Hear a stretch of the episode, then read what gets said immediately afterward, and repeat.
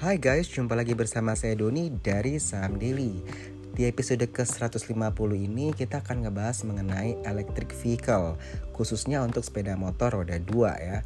Jadi ada beberapa pemain di Indonesia yaitu Volta, lalu ada Gesits, lalu ada namanya uh, VR ya. Uh, tiga sepeda motor listrik yang memang sudah lumayan dikenal ya oleh masyarakat umum. Nah, Volta sendiri ini uh, nama PT-nya itu PT Volta Indonesia Semesta.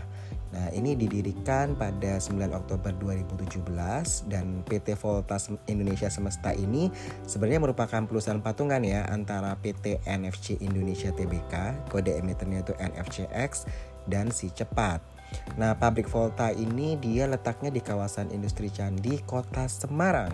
Nah, Nah, produksi kendaraan listrik ini sebenarnya mendukung program pemerintah ya, yaitu program kendaraan bermotor listrik berbasis baterai. Jadi kalau teman-teman sering baca di koran ada KBLBB, nah itu adalah merupakan program pemerintah. Nah, motor uh, listrik Volta ini dia ini uh, ada keunggulan di mana dilengkapi dengan sistem ganti baterai. Jadi baterai itu bisa diganti gitu loh. Uh, nanti ada stasiun-stasiun untuk penggantian atau penukaran baterai ya. Nah, saat ini Volta ini memproduksi Volta model 401 dengan harga jualnya di kisaran 14,9 juta untuk area jual di Jabodetabek ya. Nah, V401 ini dia mampu berjalan sekitar 55 km untuk satu baterai ya dengan kecepatan maksimal 55 km per jam. Nah, V401 ini dia memiliki dua slot baterai. Jadi satu motor itu dia ada dua slot baterai. Artinya uh, kendaraan ini mampu menempuh jarak 110 km. Jadi satu baterai itu kapasitasnya 60 volt 23 ampere tipe SGB. Jadi SGB ini sistem ganti baterai, bisa diganti baterainya gitu. Nah, untuk mendukung penggantian baterai itu, nah Volta ini menyiapkan stasiun penukaran baterai Uh, saat ini sudah ada 150 titik ya, di mana 100 titik itu di Jabodetabek, 50 titik tersebar di kota Bandung, Semarang, Jogja, Surabaya, dan Bali. Dan ditargetkan uh, stasiun penukaran baterai ini mencapai 2.500 titik untuk wilayah Jawa dan Bali dan diprioritaskan di jaringan DMMX. Loh, apa DMMX? Nah, pasti teman-teman tahu ya DMMX ini uh, kode saham ya. DMMX ini eh, PT Digital Media Tama Maksima Tbk yang juga sahamnya dimiliki oleh NFCX. Sedangkan NFCX ini kan grupnya MCAS. Nah, nanti mengenai MCAS saya akan terangkan strukturnya ya biar teman-teman nggak bingung. Ini ada NFCX, ada DMMX gitu kan. nanti uh, saya akan jelaskan lebih detail mengenai uh, strukturnya. Nah, tadi kan uh, untuk SGB tadi itu diprioritaskan di jaringan DMMX ya seperti SRC, si cepat dan lainnya dan juga tersedia si cepat hubs dan si cepat poin uh, dan untuk uh, biaya charge ya selama uh, promo itu di, di kisaran 7.500 untuk full charge ya apabila harga normal itu dikenakan biaya sekitar 12.000 untuk uh, per full charge di situ. Untuk uh, pengendara Volta ini akan dilengkapi dengan Internet of Things ya IoT dan baterai management platform yang dikembangkan oleh NFCX itu sendiri. Jadi untuk mengetahui lokasi stasiun penggantian baterai dan ketersediaan unit baterai, pelanggan itu dapat mengunduh aplikasi SGB yang ada di handphone. Jadi cukup mudah ya untuk uh, pembeli untuk tahu wah ini bateraiku nih mau habis nih uh, bisa tukernya di mana. Nah, stasiun-stasiunnya di mana aja. Kalian cukup lihat aplikasi yang ada di handphone kalian. Nah, pelanggannya Volta ini sudah ada si cepat dan PLN ya.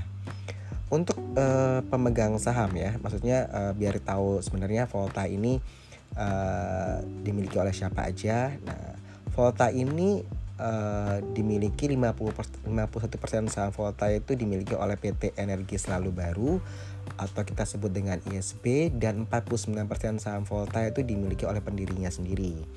Nah, NFCX sendiri itu memiliki 35% saham ESB, PT Energi Selalu Baru. Si Cepat itu memiliki 35% saham ESB. Lalu ada PT Solid Kreasi Baru itu dia memiliki 20% saham ESB. DMMX itu memiliki 5% saham ESB.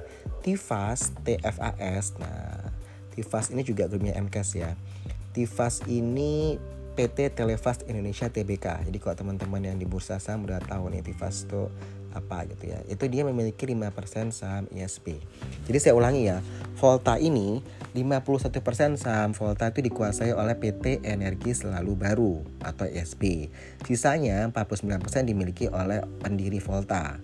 Nah, dari 51% saham ya, ISB itu di breakdown lagi di mana uh, 35% saham ISB itu dimiliki oleh NFCX, lalu 35% saham ISB dimiliki oleh Si Cepat, 20% saham ISB dimiliki oleh PT Solid Kreasi Baru, 5% saham ISB dimiliki oleh DMMX, 5% saham ISB dimiliki oleh Tifas begitu. Jadi kan uh, eh, NFCX sama Si Cepat itu dia bentuk joint venture dengan nama PT Energi Selalu Baru begitu. Nah, di mana uh, eh, ISB ini dia fokusnya di sepeda motor listrik, penukaran baterai dan jasanya. Nah, si cepat ini dia membeli 10.000 unit model 401S yang tadi saya ceritakan itu untuk uh, tahap pertama ya. Jadi mereka mereka sudah membeli 10.000 unit gitu.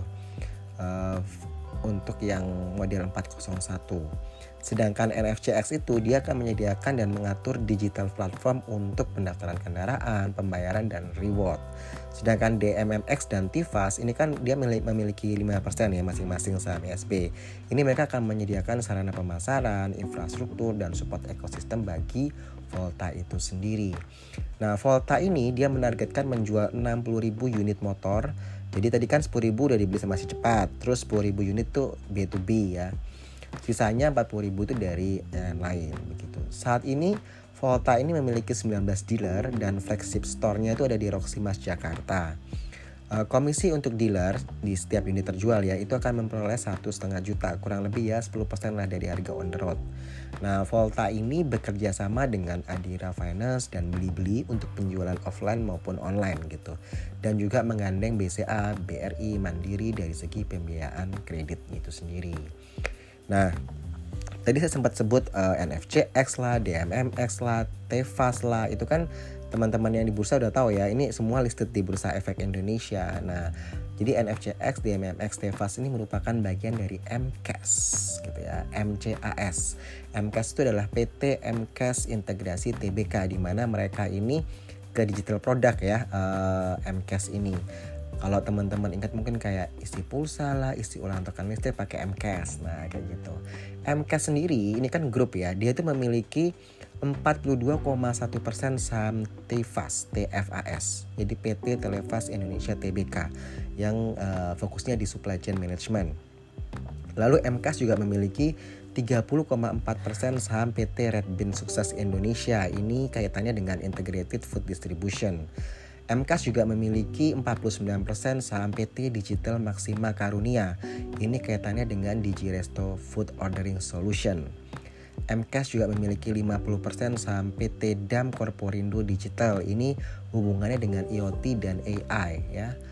MKAS juga memiliki 35% saham PT Riset Kecerdasan Buatan. Tentu ini hubungannya dengan AI juga. Selain itu MCAS juga memiliki 51% saham NFCX. Nah, tadi kan saya bilang NFCX dengan si cepat kan. Nah, itu di situ. Jadi MCAS ini memiliki 51% saham NFCX yaitu PT NFC Indonesia Tbk di mana NFCX ini dia lebih ke digital customer experience di mana dia fokus di IT, digital dan jasa telekomunikasi. Nah, ini dia. NFCX sendiri ini memiliki beberapa perusahaan. Jadi dia memiliki 29,3% saham DMMX yaitu PT Digital Media Tama Maksima Tbk. Di mana DMMX ini dia uh, fokusnya ke digital commerce marketing dan cloud advertising. Di mana DMMX ini memiliki 50% saham PT Bumi Langit Digital Media Tama ya kaitannya dengan digital contents. Yang menarik dari DMMX ini ya, di mana dia berkolaborasi dengan perusahaannya Raffi Ahmad. Kenal kan artis Raffi Ahmad? Nah, di mana Raffi Ahmad kan punya Rans Entertainment. Nah, DMMX dan Rans Entertainment ini membentuk joint venture namanya itu PT DMMX Rans Digital uh, websitenya tuh di triple.digirans.com. Nah, DMMX ini memiliki 33,33% saham PT DMMX Rans Digital. Nah, di situ teman-teman bisa lihat ya brand-brand apa aja atau influencer-influencer siapa aja yang terdaftar di Digirans. Namanya DIGI Rans ya, Digirans. Nah, teman-teman bisa download aplikasi Digirans di, di handphone teman-teman. Jadi ini uh, benar-benar apa ya? Uh, besar ya MKS ini karena uh, perusahaannya banyak banget yang uh, di bawahnya dia itu banyak banget gitu. Selain itu NFCX selain memiliki DMMX ya, dia juga memiliki 35% saham PT Energi Selalu Baru. Nah, tadi saya sempat sebutkan ya PT Energi Selalu Baru tentang Volta. Nah, itu kaitannya di situ jatuh-jatuhnya. Jadi uh, memang uh, SB ini yang joint venture ya antara NFCX dan si cepat menghasilkan Volta di situ. Selain itu, NFCX juga memiliki 50% saham PT Abdi Anugrah Persada. Ini kaitannya dengan loyalty platform ya. Dan juga NFCX memiliki 47% saham PT Kavita Dana Asia. Ini ide source ya. Eh, kaitannya dengan film dan entertainment.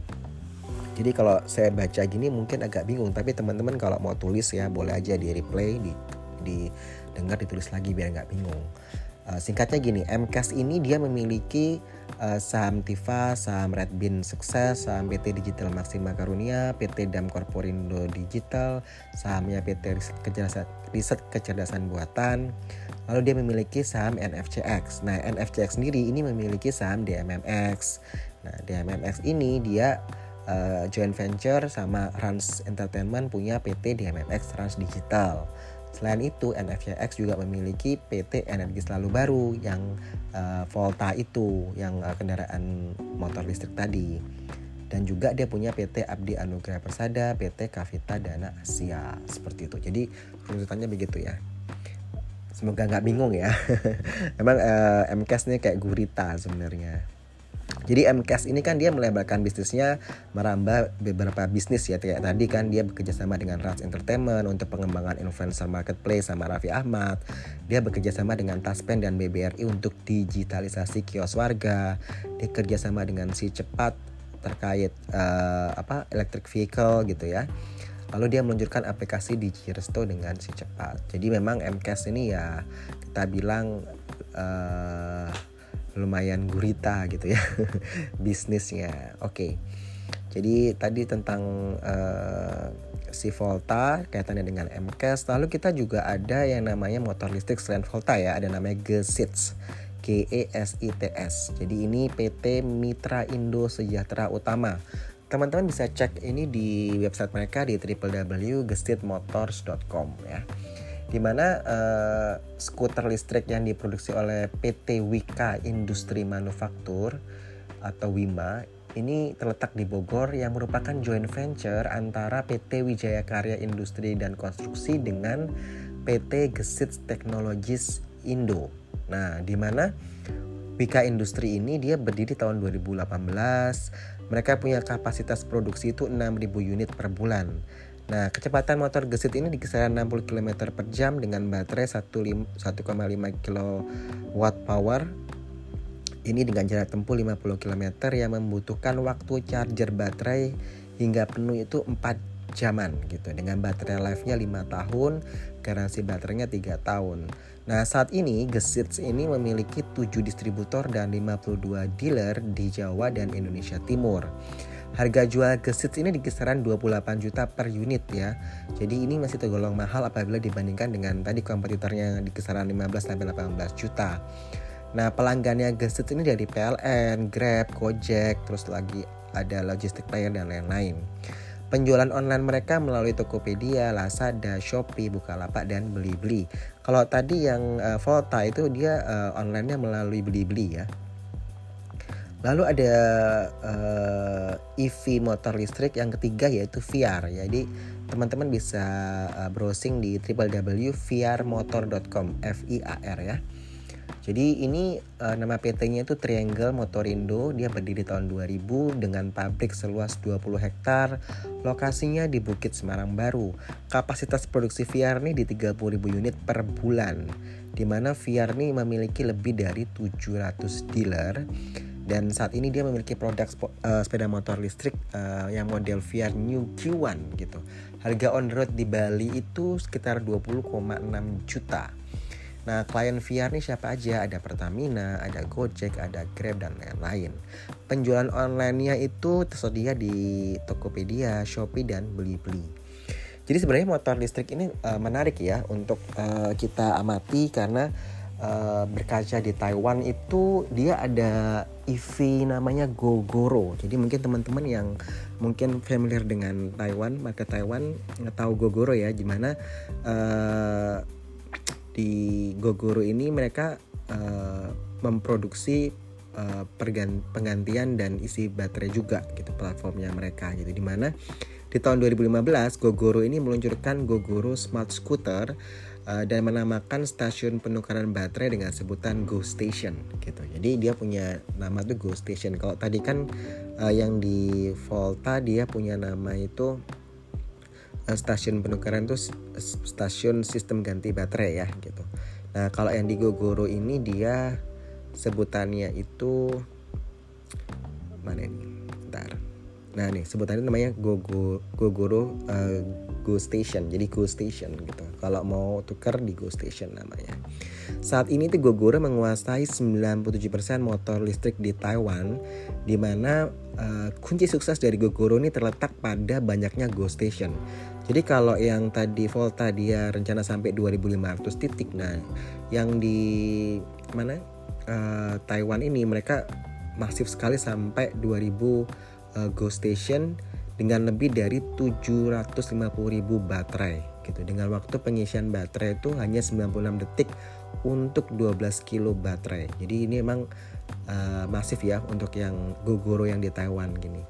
Nah, Gogoro ini dia melebarkan sayapnya juga ke Cina dan India di mana uh, Gogoro ini dia mendirikan joint venture dengan Hero Motor Corp untuk masuk ke India. Di Cina sendiri itu Gogoro bekerja sama dengan DCJ dan e-scooter developer Yadea gitu. Jadi emang kunci suksesnya Gogoro ini yang mungkin di Taiwan yang jadi uh, pertimbangan ya ketika uh, di Indonesia ada merek uh, Volta, ada Gesits, ada VR, VR gitu ya.